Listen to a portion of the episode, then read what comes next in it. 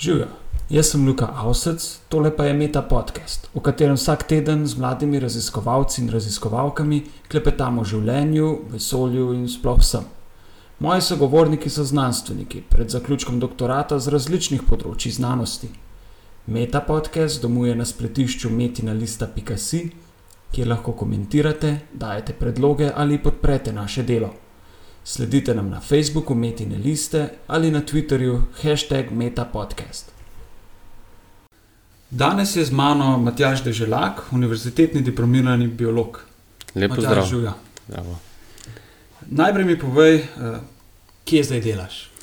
Trenutno, že slab teden, sem eh, na medicinski fakulteti v Mariboru. Wow, slab teden, to je že cela zgodovina. Ja, takrat, ko so prvošolčki šli v prvi razred, sem jaz začel novo službo.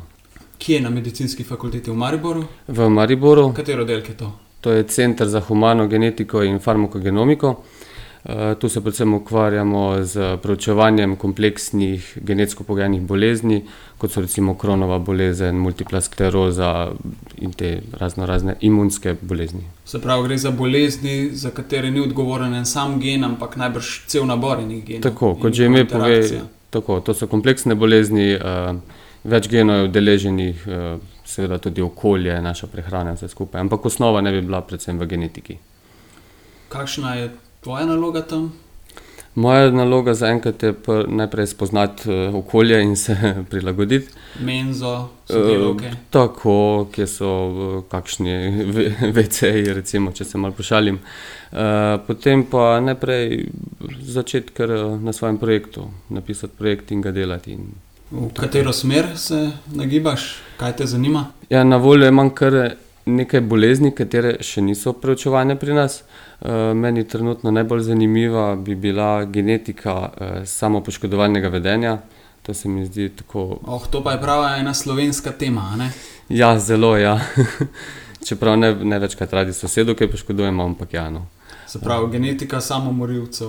Mm, Samomorilci je malo druga kategorija, to začne se samo poškodovanjem. ne. Okay. V, tako v pogovorno rečemo, to so tisti ljudje z dolgimi rokavi poleti. E, to pa kar zanimivo, ne? to pa je, se mi zdi še bolj kompleksno. Tle sigurno ne, ni samo genetika. Ne? Ni samo genetika, veliko je eh, vpliva tudi okolje in sam psihološki ustroj posameznika, eh, kar pa seveda vemo, da je sploh za mlade v teh časih zelo težavno, težavno obdobje, eh, tudi eh, kriza splošna verjetno prispeva svoje, tako da je to zelo, zelo, zelo interdisciplinarno.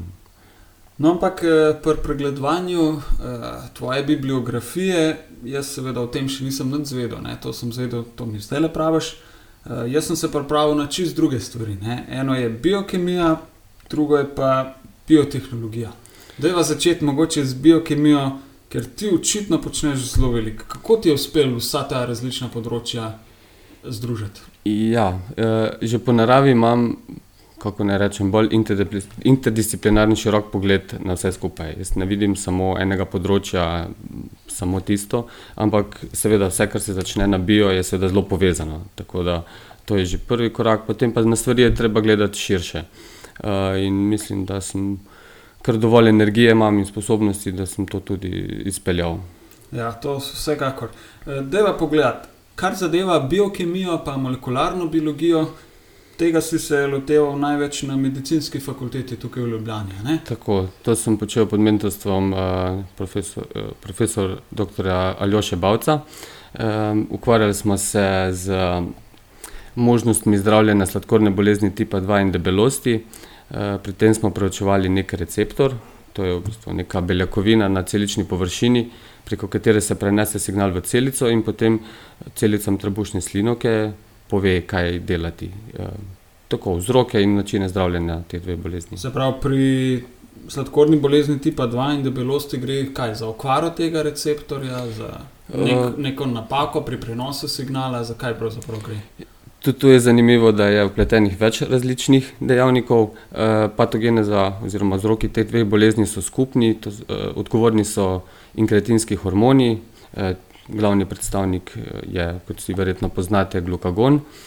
Um, tako da vzroki so podobni, um, samo potem je odvisno od drugih še dejavnikov, v katero smer se bo bolezen razvila, ali bolj v debelost, ali bolj v sladkorno bolezen. Ampak vse vemo, ne, da tudi tisti ljudje s prekomerno telesno težo so tudi bolj dojemljivi za sladkorno bolezen. Kje je zdaj nastopa ta vaš receptor ali pa naš receptor v tej zgodbi? Uh, ta receptor je prisoten uh, na eni strani v centralnem žilčnem sistemu, ker vpliva na naš apetit, to je, če lahko povem, hipotalamus. Uh, potem uh, je, izraža se pa tudi v drugih tkivih, recimo v trebušni slinavki, in tam sodeluje pri sproščanju uh, GLP-1 recept, uh, peptida. Vi ste razvili tudi eno učinkovino, ne, ki vpliva na cel ta prenos signala. Kako pravzaprav deluje? Ja, gre? gre za en del tega receptorja, za eno znotrajcelično zanko, ki če jo uh, pač sintetično pridobimo in jo vnesemo skupaj z um, agonistom tega receptorja, to je tisto molekulo, ki receptor aktivira. Torej, če to vse skupaj vnesemo v celico, bo potem Eh, celica sama ne bo deaktivirala tega receptorja, ampak to pomožno zdravilo. Torej, pomožno zdravilo bo neke vrste, kako ne rečem, trojanski kon, eh, da bo lahko tisto glavno zdravilo sprožilo učinke. Se pravi, pomožno zdravilo. Ne? Z njim dosežete, da pravo zdravilo pravzaprav. Tako, da neuvirano deluje, da ga celica ne razgradi. Seveda je še daleč od kliničnih um, raziskav, ampak raziskovalno osnovo smo postavili. Ste to preizkusili tudi samo v teoriji, na papirju, ali ste to v laboratoriju preverili? Tako, nismo še. Um, moja osnova, to je bilo prvič uh, pokazano, da bi to lahko delovalo. Zaradi tega je to zaenkrat samo še hipotetični model, ampak ima vso osnovo, da bi lahko tudi uh, v praksi deloval. V epruveti, v kliniki?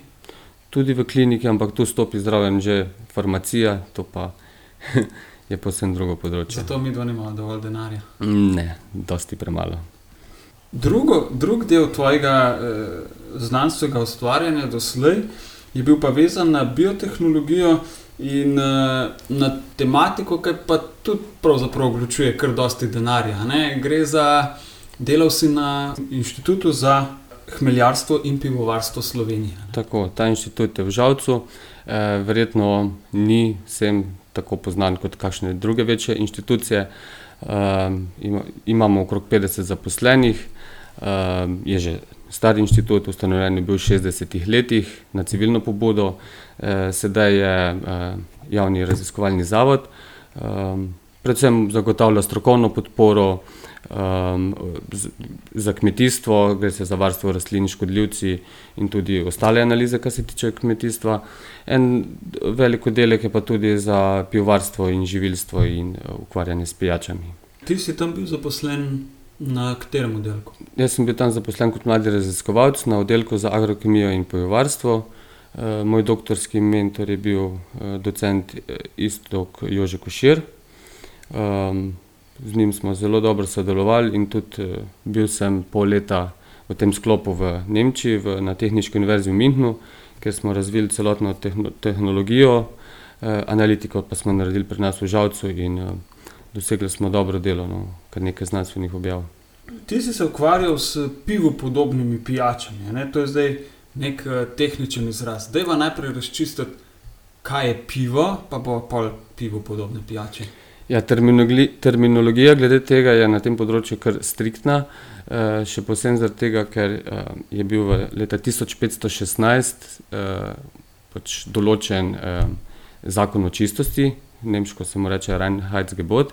Ta je določil, da lahko se pivo imenuje samo tista pijača, ki je štirih sestavin, torej vode, ječmena, hmelja in pa kvasake. Torej, nič druga se ne šteje kot pivo. Um, zaradi tega se držimo striktno te terminologije, pivo podobne pijače. To se pravi, katero od teh štirih sestavin vi zamenjate? Mi zamenjamo osnovno surovino, ki je vir fermentabilnih sladkorjev, torej eh, ječmen. In jo zamenjate z?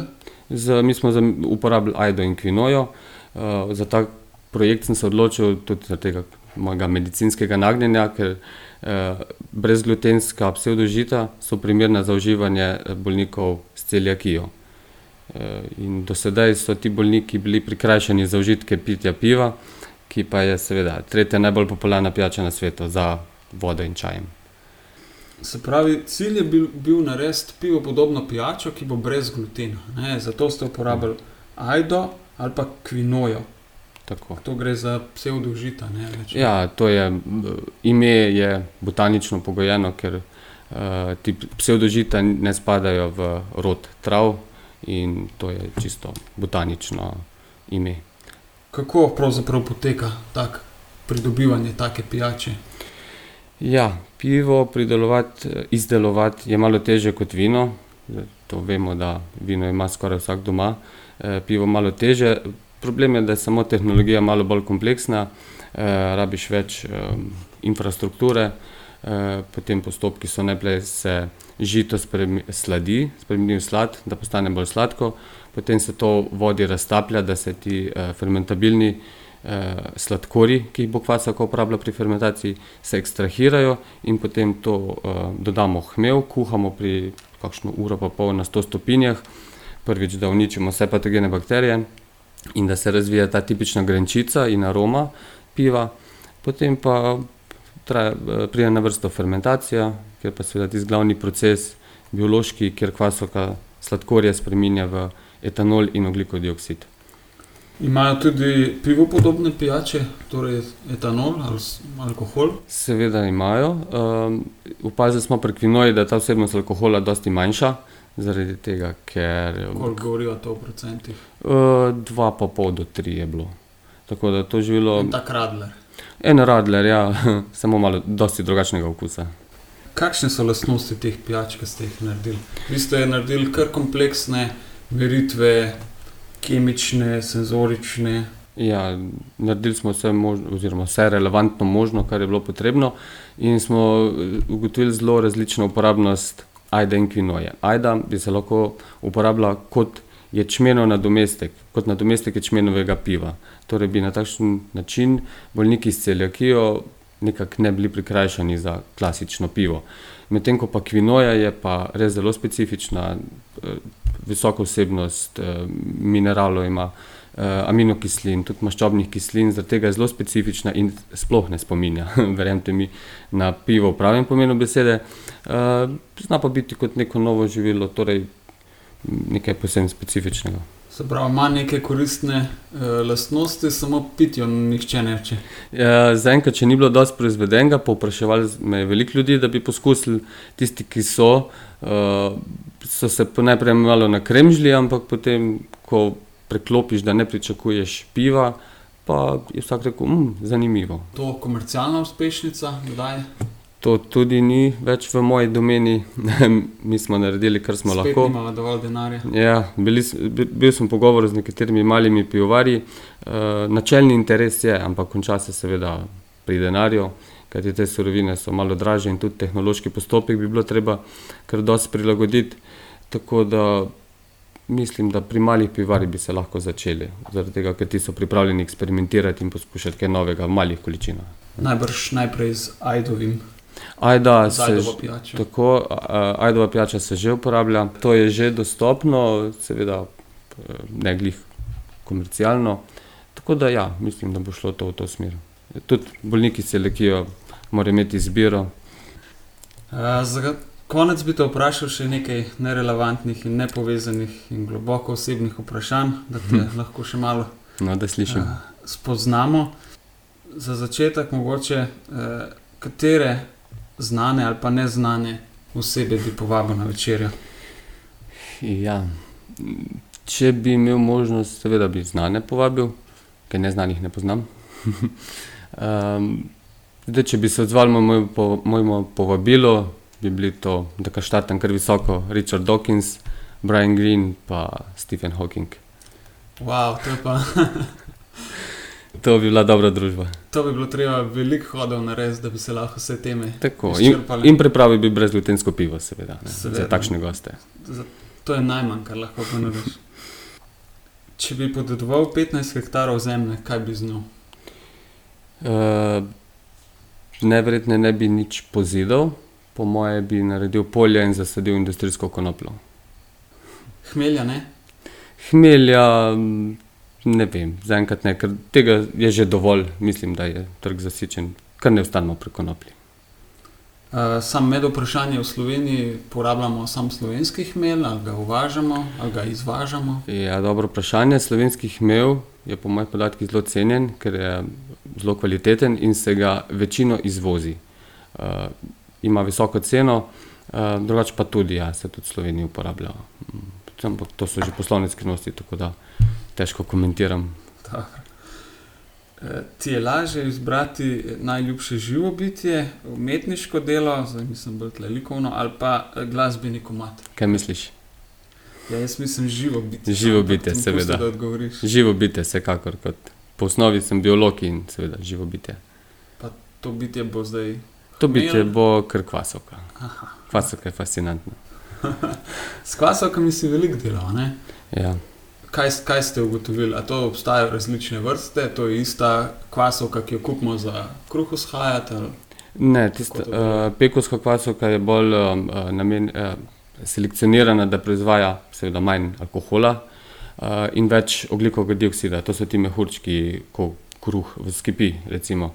Uh, potem to je veliko različnih sevov, ker recimo že tudi za pivo spodnjega vrenja, lager in pivo zgornjega vrenja so že različne vrste kvasovke. To je prišlo do velikega mešanja med kvasovkami, tako da je pestrost je zelo velika.